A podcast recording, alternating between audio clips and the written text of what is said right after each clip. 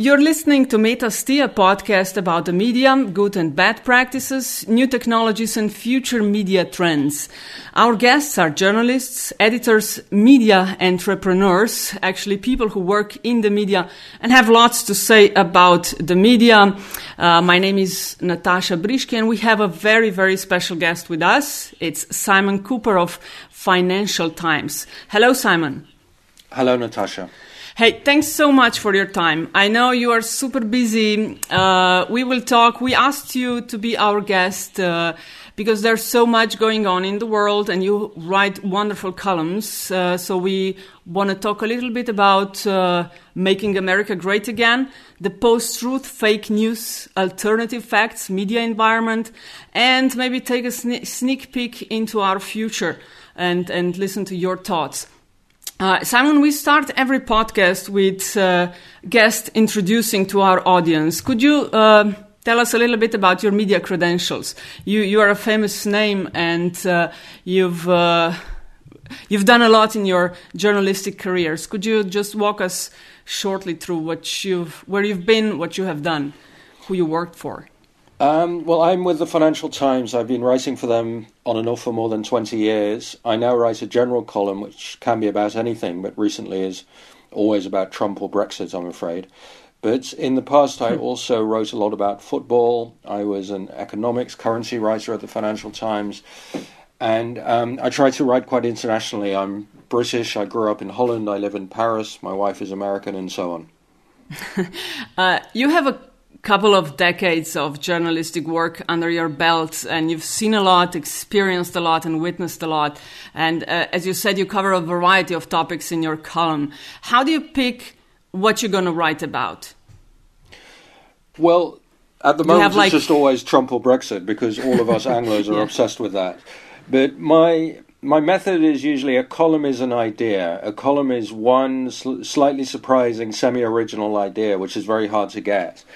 And so, for example, the idea might be um, English has become a weakness for the US and UK because it makes our society transparent to outsiders. So we're easy to understand, easy to hack, easy to influence.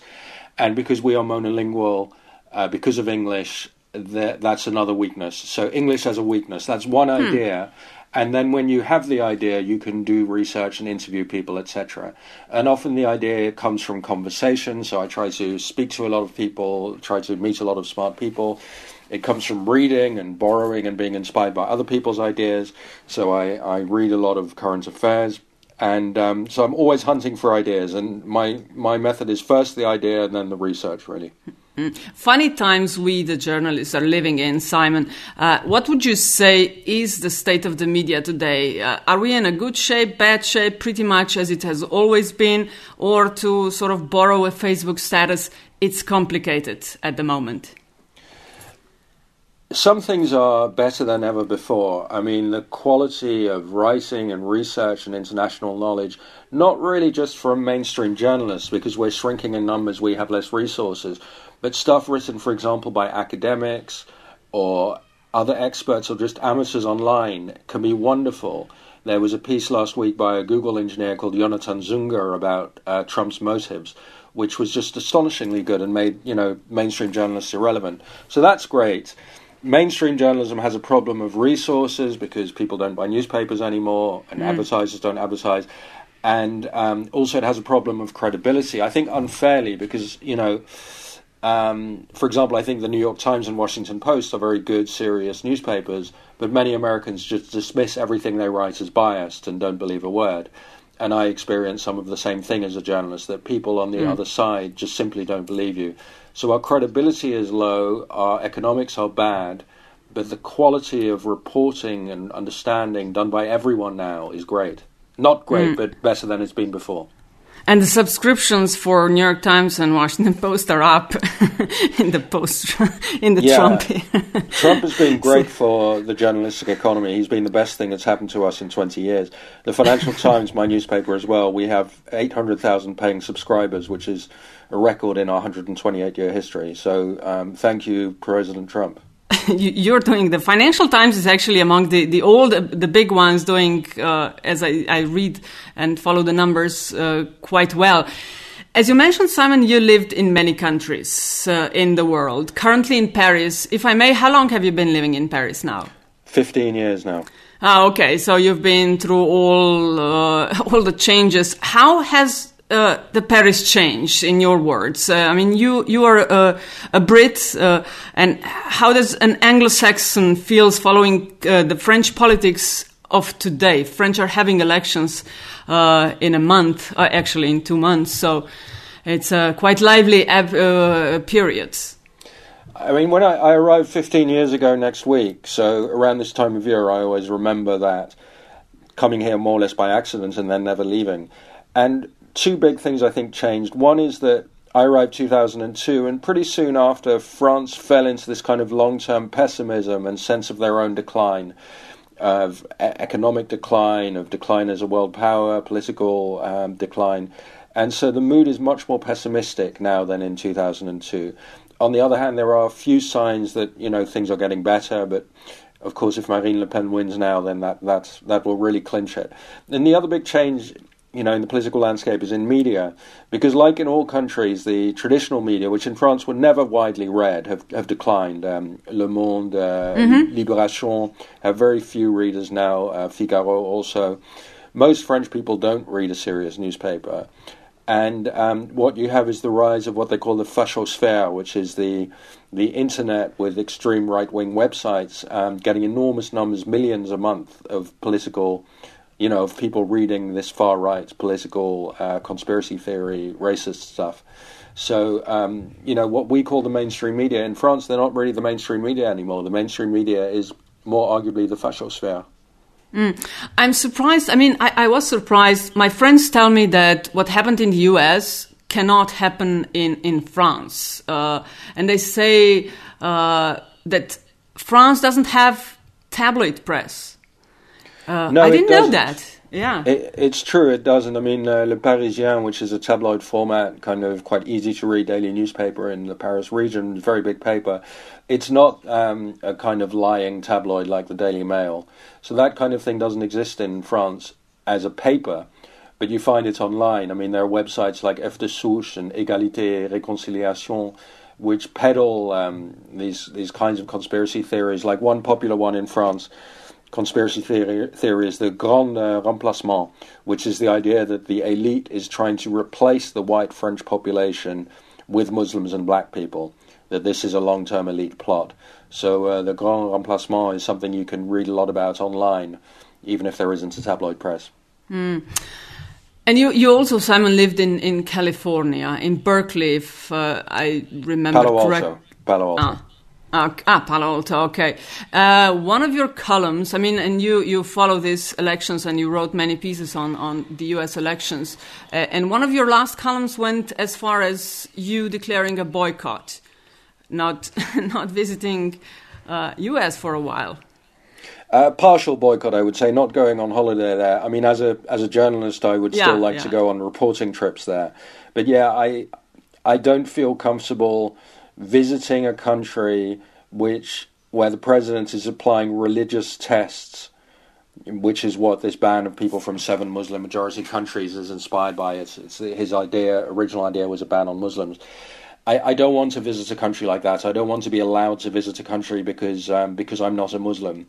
And I have memories of visiting my grandparents in South Africa in the 1970s and 80s during apartheid, and I see a lot of parallels. And it's not just with Trump. I mean, um, I recognize a lot of apartheid South Africa on visits to the US over the last 15 or so years as the country has slid into ever greater racial inequality, um, economic inequality. And so, yeah, it's not a country I feel happy going on holiday anymore.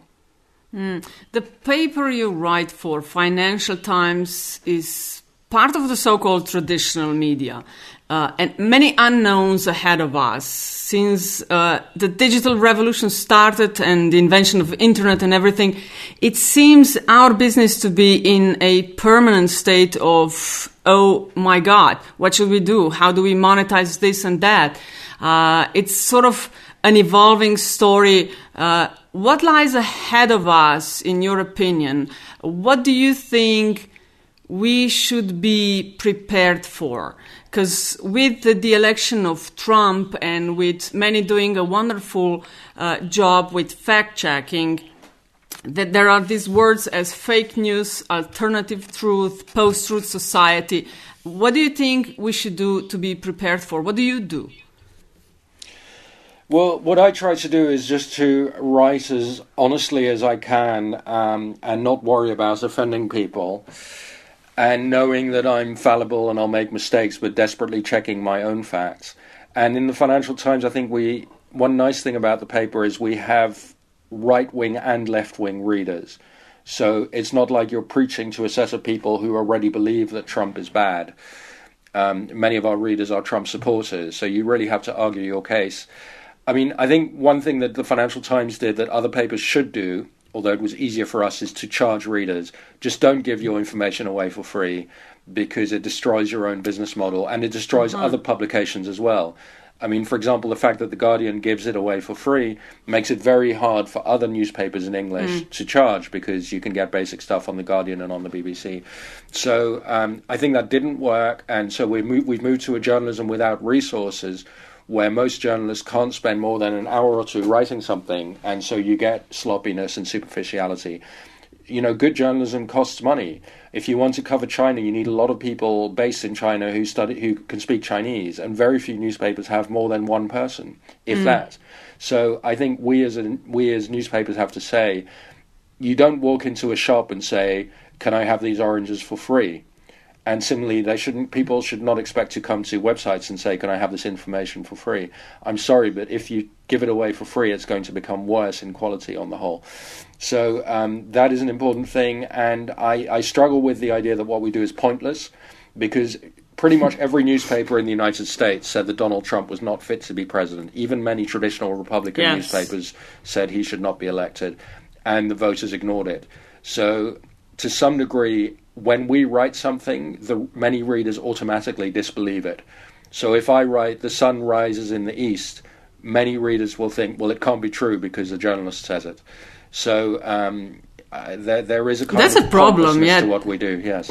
That's a to- that's a huge problem. If you are looking at the polls and, and the, the uh, research done on the people, ha- what do you think about journalists and the media? We keep. I don't think there was a period of time in the history that we got such a low numbers, such a sort of low support. Yes.